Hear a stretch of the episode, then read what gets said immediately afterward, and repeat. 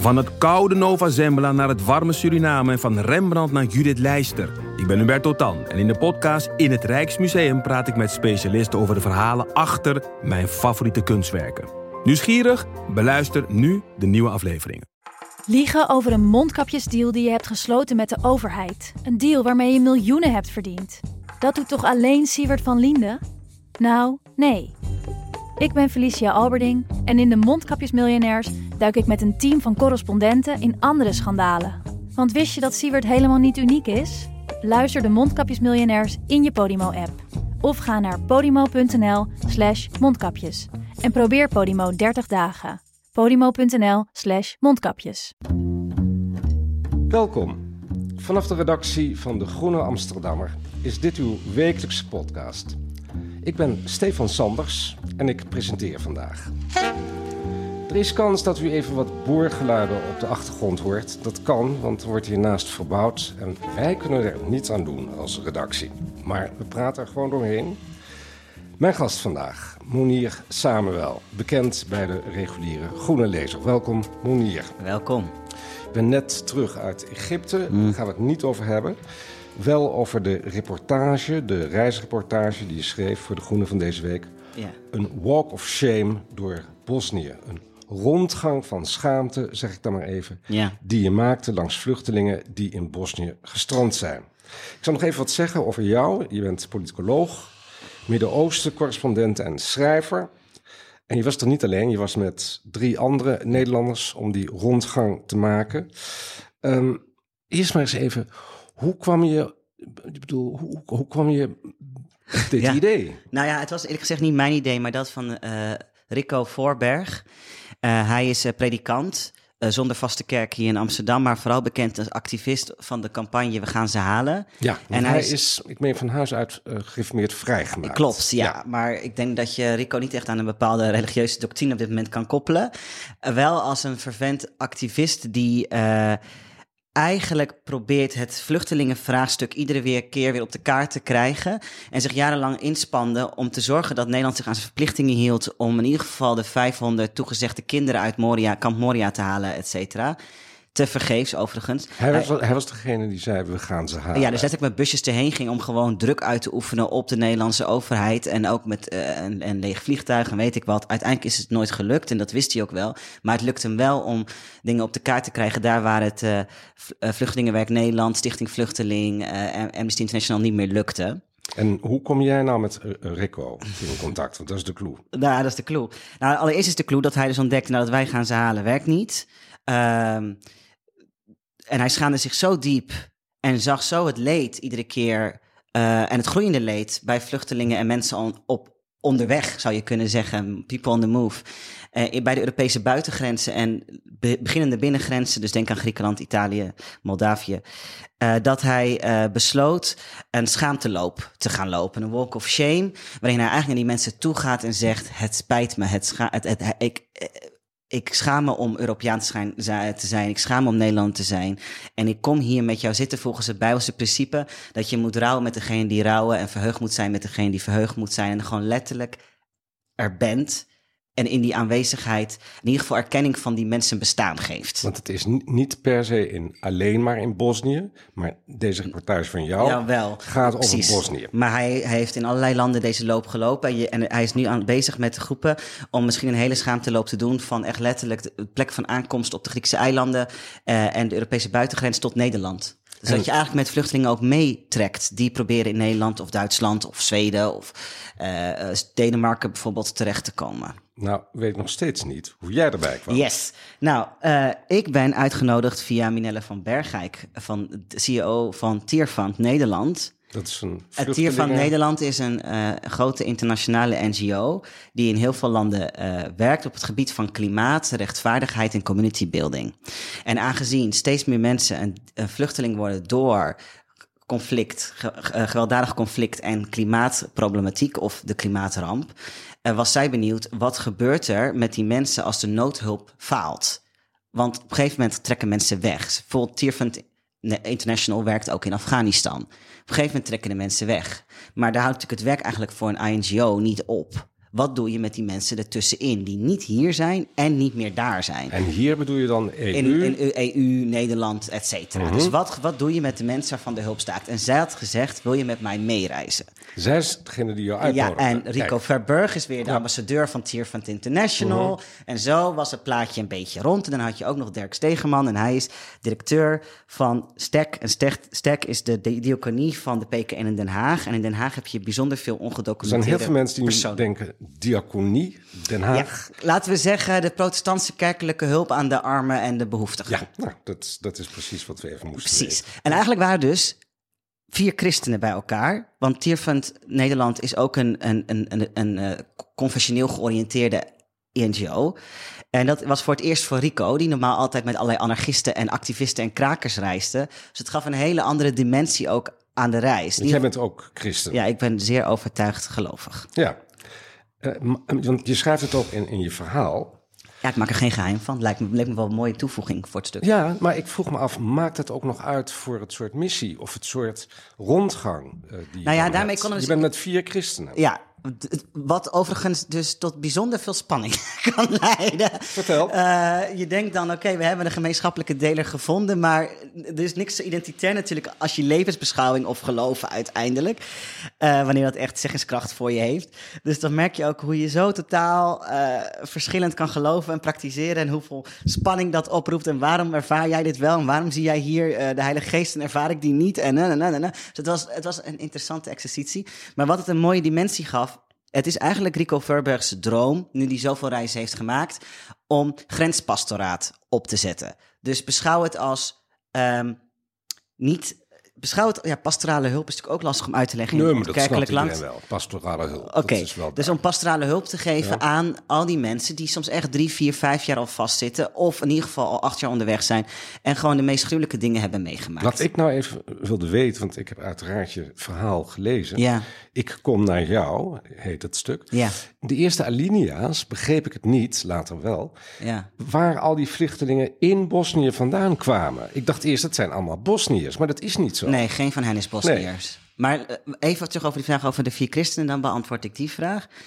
We hebben dus, omdat we voor het eerst met een christelijke groep waren, kunnen experimenteren wat het betekent om inderdaad grenspastoraat te verlenen. Want Rico is uiteindelijk predikant. Eh Dirk is ook die is echt predikant van de PKN Den Haag. Dus die weet ook wat pastorale hulp is.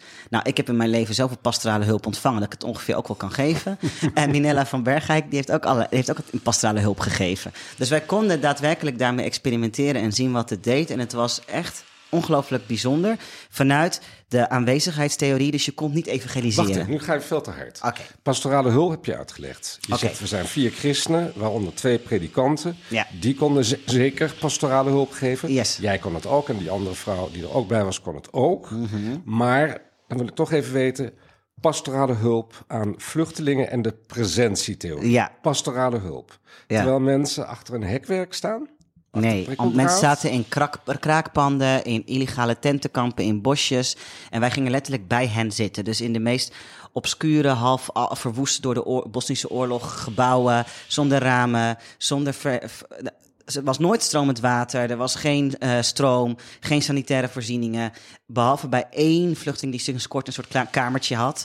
Alle anderen zaten echt in de meest inhumane omstandigheden. En ik, kijk, ik heb als correspondent voor De Groene heel veel vluchtelingen in mijn leven ontmoet.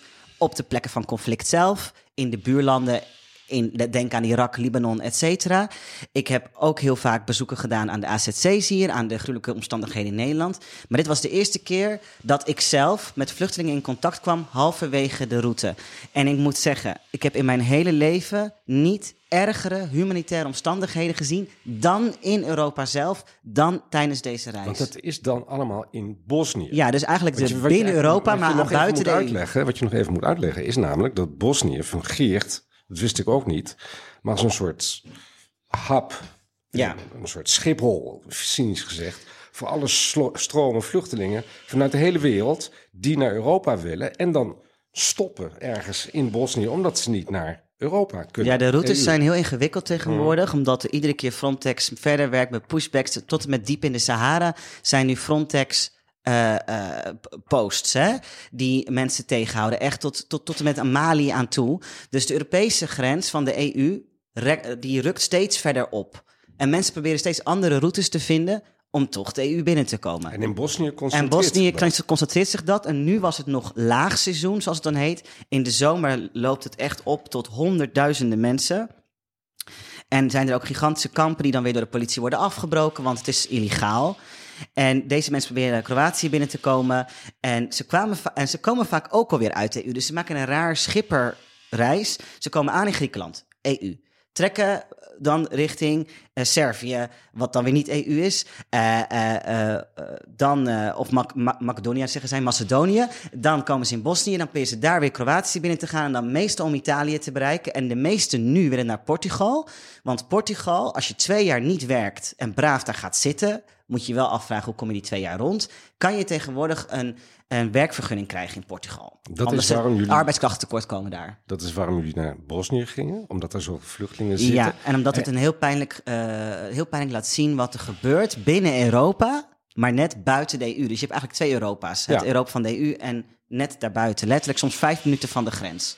En dan die vreselijke erbarmelijke omstandigheden, pastorale hulp. Ja. Je denkt, nou, geef ze een tent, geef ze eh, te eten. Ja, dat, dat zou je denken. En ik dacht eerst, wat nou Rico, eh, sorry, maar wat is dit nou weer voor idee? En eh, ik dacht ook, wat een soort white man's burden. Weet je, dan kom je daar om daar gewoon met hun te zitten. Voor wie, wie, wie help je daar nou mee? Tot ik het daadwerkelijk ging ervaren. Dus ik kwam ook niet met opnameapparatuur. Ik ging daar niet mensen interviewen met een notitieboek in de hand of met wat dan ook. Ik ging letterlijk met hen zitten en kijken wat er dan loskwam. En je merkte dat er een enorme behoefte was om eindelijk eens te worden gezien en te, en te worden gehoord. Eh, sommige van hen kenden Rico al, die hadden hem al één, twee, drie keer eerder gezien. Nou, de emoties, de tranen, je bent teruggekomen, je herinnert je mij nog, je geeft om mij. Eh, en heel veel hulpverleners die we spraken uit Duitsland, Italië, die daar stiekem hulp gaven, of Bosnische eigen hulpverleners, Rode Kruis, die zeiden: Wat fantastisch dat jullie dit doen, want wij moeten altijd door, door, door.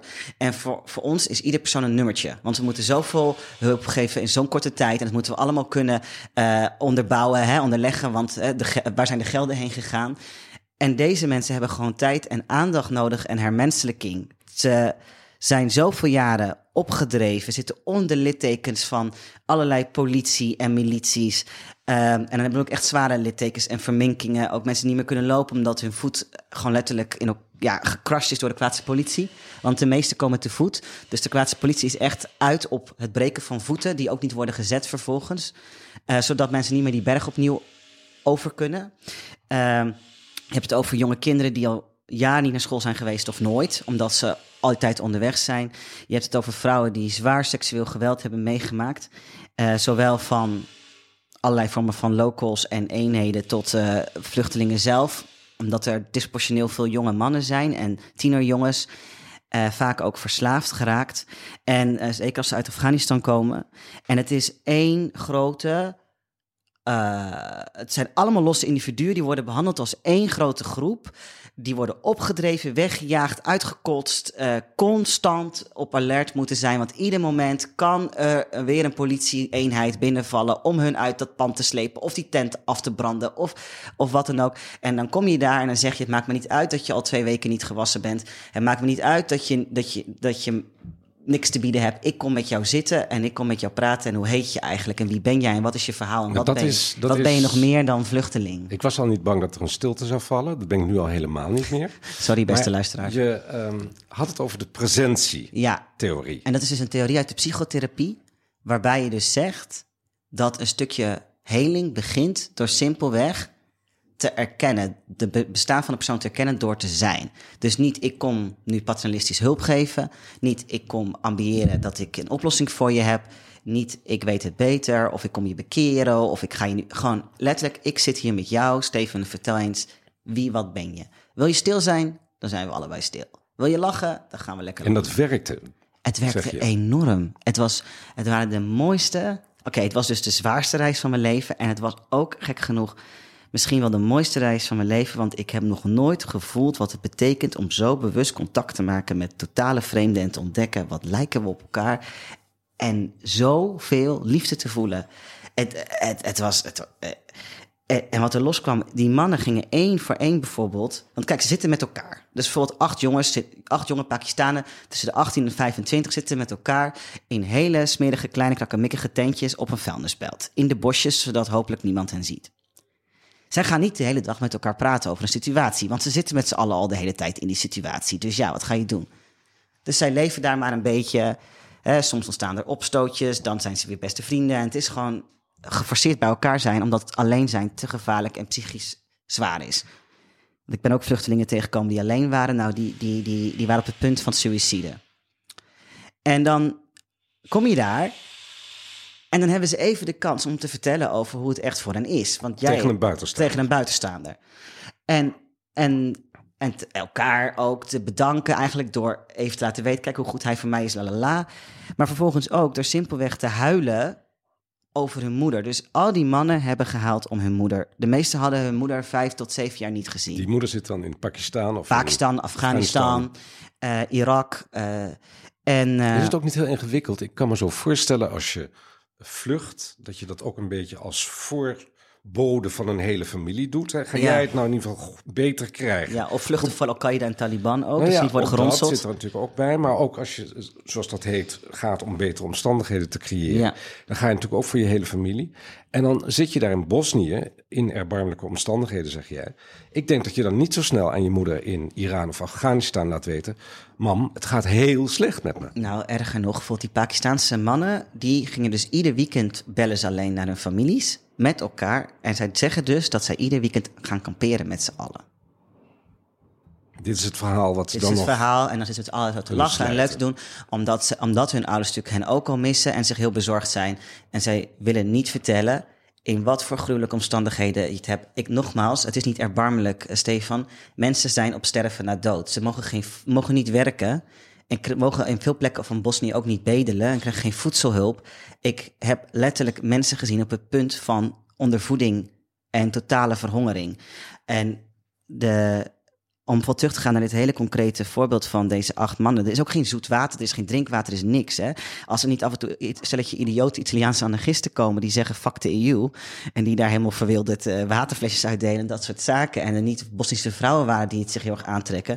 Dan zouden deze mensen al lang dood en verhongerd zijn. Eh, eh, Ja, echt letterlijk dood zijn. En jullie willen dat dus juist niet doen, flesjes water uitdelen. Nee, wij komen daar primair om naar hun verhaal te luisteren, wetende dat wat we ook bieden geen hulp echt hen helpt, hoogstens een dag, maar ook om vervolgens uit dankbaarheid voor wat zij geven, dan wel te kijken wat we kunnen doen. Dus we hebben artsen geregeld waar we konden. We hebben uiteindelijk zakken vol boodschappen gebracht. We hebben uiteindelijk spelletjes aan kinderen gegeven. Uiteindelijk wil je wel helpen, maar je komt niet primair met je grote Sinterklaas of eh kerstmantas van kijk hier, ik ben de grote weldoener. Nee, je zegt eigenlijk dankjewel dat je mij ontvangt. Even helemaal terug naar het begin, zo begint het stuk ook. Eh, lange reis met de trein door Europa naar Bosnië. Je komt aan in Tuzla. Ja, dat was de eerste grensplaats waar Ja, we terecht kwamen. vertel wat we zien. Want Tuzla is een interessant, interessant stadje. Ja. Omdat daar de, de, nou, de mensen, de Servische eh, mensen, de Kroatische mensen en de Bosnische moslims nog door elkaar wonen. Ja, precies. Wat ook fijn is voor de vluchtelingen, want ongeacht hun religie kunnen ze dan ergens terecht. Al dan niet bij de kerk of de moskee. Ehm, ja, kijk, het was voor mij de meest ingewikkelde reportage ooit te schrijven. Waarom? Ik was nog nooit in Bosnië geweest. Dus ik kom in Bosnië. Het eerste wat ik zie zijn alleen maar grafzerkwinkels. Grafzerkbloem, bloemboeketwinkels. En overal massagraven dan merk je dat Bosnië nog helemaal niet over de oorlog heen is. En dat er nog allemaal scheidslijnen lopen. Dat er feitelijk drie Bosnische federaties in één Bosnië zijn. 1995 officieel Afgelopen. ja. einde Balkanoorlog. Ja, dan- is niet zo dus. Dus dat is niet zo. Dan merk je dat Rusland-Oekraïne daar springlevend is. En dat de Serviërs pro-Rusland zijn. En de Kroati- Kroaten en de Bosniakken pro-Oekraïens. En dat elke Bosnier die we spraken gewoon een vluchtkoffer klaar heeft staan. Wacht Om... even, dus de, de oorlog in Georgië Nee, Oekraïne. Oh, sorry, sorry, in Georgië. Oekraïne, de Russische aanval op Oekraïne Ja. werkt door in die gemeenschap die dan ook weer Ja. splitsend werkt. Precies, de hele, er de heel Balkan heen. Split, en, en ze zeggen ook dat het een kwestie van tijd is voordat in de Balkan een nieuwe oorlog uitbreekt. En de mensen daar waren daar heel erg paraat op en hadden dus allemaal een vluchtkoffer klaarstaan. Dus je komt vluchtelingen ontmoeten, maar ondertussen is het hele land zichzelf voor, voor aan het bereiden op een nieuwe oorlog en om zelf te vluchten. Nou, dat was al een hele dimensie die ik natuurlijk niet had verwacht. Dan eh, eh, merk je, wauw, dus eigenlijk een heel verhaal te vertellen over de Bosnië. Maar nee, laten we teruggaan naar waarvoor, waarvoor we kwamen. Namelijk de vluchtelingen die nu in een soort van dubbel gespannen situatie zitten. En die overigens zeggen dat Bosnië hen vele malen beter behandelt. En de Bosniërs dan in Servië, dan in Macedonië, dan in Griekenland, dan in Italië. En is het misschien omdat de Bosniërs een hele reële ervaring hebben Dat denk ik wel. hè? Dat denk ik wel. En je ziet dat mensen echt alles geven wat ze geven, maar dat het land ook straatarm is. En dat veel Bosniërs zelf ook weg willen. En dat die zelf ook vastzitten met aan de ene kant een EU dat hen niet wil. En allemaal vluchtelingen dat extra druk legt op het land. Want bijvoorbeeld in Tuzla is in de zomer de verhouding tussen bevolking en vluchtelingen 7 op 3 Zeven voor- vluchtelingen op drie inwoners. Het is echt een hele zware belasting. Dus bijvoorbeeld wat een van de activisten zei... eh, ze zei van wat ik zo jammer vind is dat Bosniërs zijn heel gastvrij. en Dat heb ik zelf ook ervaren. Maar onze gastvrijheid wordt door de EU echt op de proef gesteld.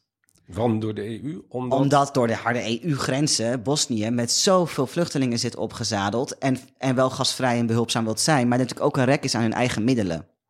En aan de middelen van de eigen mensen. Ik bedoel, ik, ik ben Bosnische vrouw tegengekomen die 30 Pakistanen per dag laten douchen in hun huis. Dat moet ik hier nog zien gebeuren hoor. Ja, ik ook. Mensen hebben echt daar doen wat ze kunnen, maar ze zijn zelf ook straatarm. Dus het is.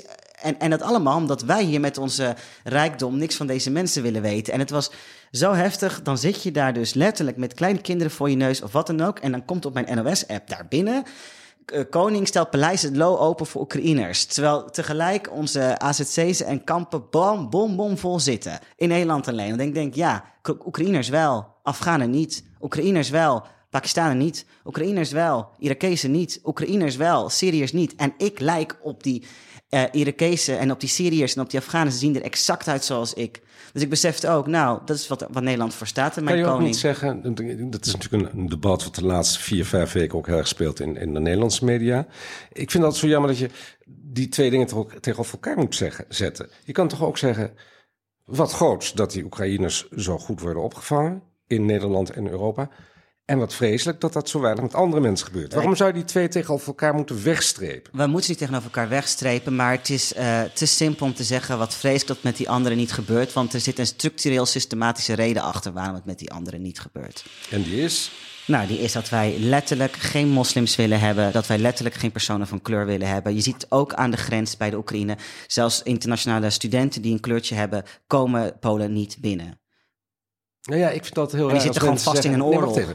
Ik vind dat heel raar als mensen zeggen die Oekraïners kunnen komen, want die lijken op mij. Dan denk ik altijd, speak for yourself, want die Oekraïners lijken helemaal niet op mij, lijken ook niet op jou. Nee, maar wij zouden ook allebei stranden aan de Oekraïnse grens als wij daar zaten, Steven. Maar goed, daarom denk ik ook. Probeer ook het, het, het positief te zien, dus de ontvangst van de Oekraïners. En ik geloof helemaal niet dat dat nou alleen maar is omdat ze meer op die mensen hier in Nederland lijken, omdat het een stuk dichterbij ligt. Nou, dat weet ik niet of dat echt zo is. Ik weet wel, wij hebben in Afghanistan grotendeels de huidige situatie gecreëerd. Het is onze oorlog. De oorlog in Rusland en Oekraïne is niet onze oorlog. Maar wij nemen niet onze verantwoordelijkheid voor onze oorlogen en onze conflicten. En we nemen het wel voor die in de Oekraïne en Rusland. En er zitten heel veel culturele, maar ook kleurgerelateerde redenen achter. En dat kan je simpelweg zien doordat zelfs in de Oekraïne zelf bij de grens wordt gekozen en geselecteerd op kleur. En het helpt ook dat de Oekraïners die hier komen vrouwen zijn, kinderen zijn, dat een enorme propagandamachine achter zit die ons heel erg laat zien hoe erg die oorlog is. En die oorlog is vreselijk, maar dat wij niet zien wat er gebeurt en wat wij in, in onze naam gebeurt. Want laten we wel zijn, deze mensen in de Bosnië hebben allemaal recht op asiel. Volgens onze eigen verdragen. In plaats daarvan worden ze in elkaar geslagen. Sommigen werd hun hoofd kaal ges- door door, de Kroatische, Kroaten. Kroatische politie in naam van de EU en door Frontex. Frontex door ons belastinggeld betaald. En dit doet Kroatië, Kroatië in onze opdracht, want wij willen ze niet hebben. Mensen werd hun haar afgeschoren en er werd ketchup op hun hoofd gesmeerd. Jongens worden in ijskoude bergbeken in een onderbroek gezet tot hun nek, tot ze verdrinken en onderkoeld raken. Er zijn daar hele begraafplaatsen voor vluchtelingen die omkomen. De, de Kroatische politie die eh, haalt bordjes met mijnen. Pas op, mijnen weg. Want er zijn heel veel mijnen nog steeds eh, in Bosnië en in de bergen tussen Bosnië en Kroatië. Waardoor mensen op mijnen stappen. Eh, ze worden opgegeten door beren. Eh, je kan zo gek, zo vreselijk niet verzinnen. En dit gebeurt in ons Europa, in ons EU. En dan vind ik het iets te makkelijk om te zeggen, wat goed dat we zo met de Oekraïners omgaan, maar wat jammer dat we het niet met de rest doen. Letterlijk, vandaag hebben we weer Zullen gruweldaden we in teruggaan naar jouw stuk? Ter Apel gezien. Want dat stuk gaat over Bosnië en de rondgang. Nee, dat stuk gaat over de gevolgen. Waarom hebben we schaamte? Nou, vraag, zeg. vertel. Vanwege dit gruwelijke systeem. Ja. Dit gaat niet over Bosnië.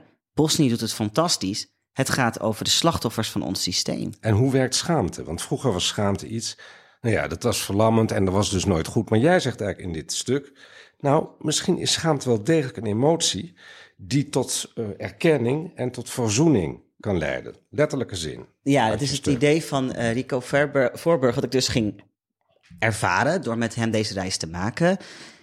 En daar gewoon met z'n vieren in, in krappe tentjes of in dus kapotte gebouwen te zitten. En ehm, ik voelde woede. Ik voel nu ook woede. Ik word ook boos van dit gesprek, omdat ik denk... Stefan, letterlijk kijk vandaag naar wat er in Ter Apel gebeurt. Dit is, we zijn, die is echt wat meer aan de hand dan, oh, Oekraïners ligt iets dichtbij. Ehm, en het is te systematisch en het is vreed en we weten het. Het is niet nieuw dat er pushbacks zijn. Het is niet nieuw dat de mensen constant bij onze grenzen verdrinken of sterven. Je kan letterlijk op eh, missingmigrantprojects.org vandaag de statistieken zien. Vandaag hoeveel er weer vandaag zijn omgekomen. Eh, en dat gaat echt per tientallen per dag. Ik vroeg naar schaamte. Hè? En die schaamte is vervolgens de diepere emotie daaronder van hoe kan ik überhaupt hier leven? Hoe kan ik dit rood, bloedrode paspoort hebben? Hoe kan ik wel lekker die grens de hele tijd op en neer, op en neer? Want wat het bizarre tijdens de reis was, wij gingen de hele tijd Kroatië in, Kroatië uit, Kroatië in, Kroatië uit. Pam, pam, pam, pam, pam. Terwijl je met mensen spreekt die al drie, drie vier, vijf jaar proberen diezelfde grens te passeren. Want we gingen van grensplaats naar grensplaats. En dat, die grens is niet recht, die is kronkelig. En die diepe schaamte van waarom ik wel en jij niet. Wat, wat heb ik eigenlijk in mijn leven gedaan? Dat ik alle veiligheid verdien en dat in naam van mijn veiligheid jullie worden verkracht, geronseld, geslagen, eh, als beesten in, in, in, in grotjes eh, verstopt zitten. eh, alleen maar op zoek naar de rechten die jullie volgens onze eigen internationale vluchtelingenverdragen hebben. Ze hebben recht om asiel aan te vragen. We kunnen het hun afwijzen, maar ze hebben recht om asiel aan te vragen. En degene die netjes dat doen, die letterlijk gewoon een Kroatische politiepost binnenlopen en zeggen: Hallo, ik kom mij melden. Ik ben een asielzoeker. Ik kom hier om asiel aan te vragen. Wat bijvoorbeeld verschillende moeders hadden gedaan met kinderen. Die worden alsnog opgepakt, gewelddadig, in een busje gestopt. En gewoon weer midden in de Bosnië van Bosnië achtergelaten. Bestolen van hun geld, bestolen van hun telefoons, bestolen van alles. En moeten het maar uitzoeken in die bossen. En die bossen zijn uitgestrekt hoor. Ik geloof je meteen. Kijk, jij bent ter plekke geweest, ik niet. En ik geloof je verhaal meteen. Maar wat mij nou zo interesseert is Mm. dit. Ja. Schaamte, zeg je. In, zelfs in die situaties, die heel schaamtevol zijn voor elke EU-burger, lijkt mij. Maar hoe kan schaamte helpen eh, aan, voor mensen die in deze verschrikkelijke situatie zitten?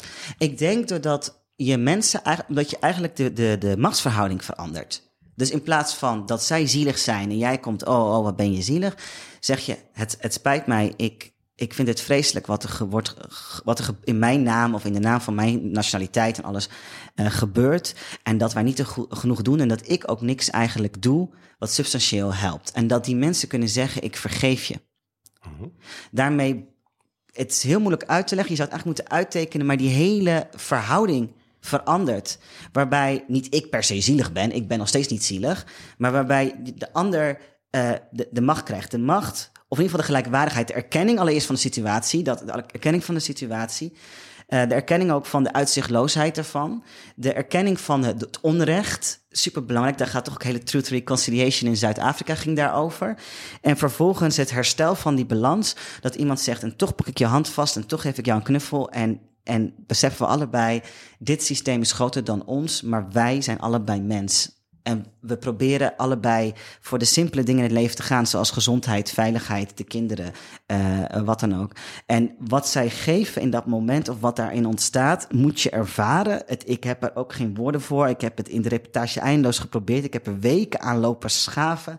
En ik kwam er eigenlijk niet uit, omdat het een soort haast spirituele ervaring is, die therapeuten begrijpen. Dus ik heb heel veel therapeuten in Nederland ook bezocht om meer informatie te krijgen over die presentietheorie.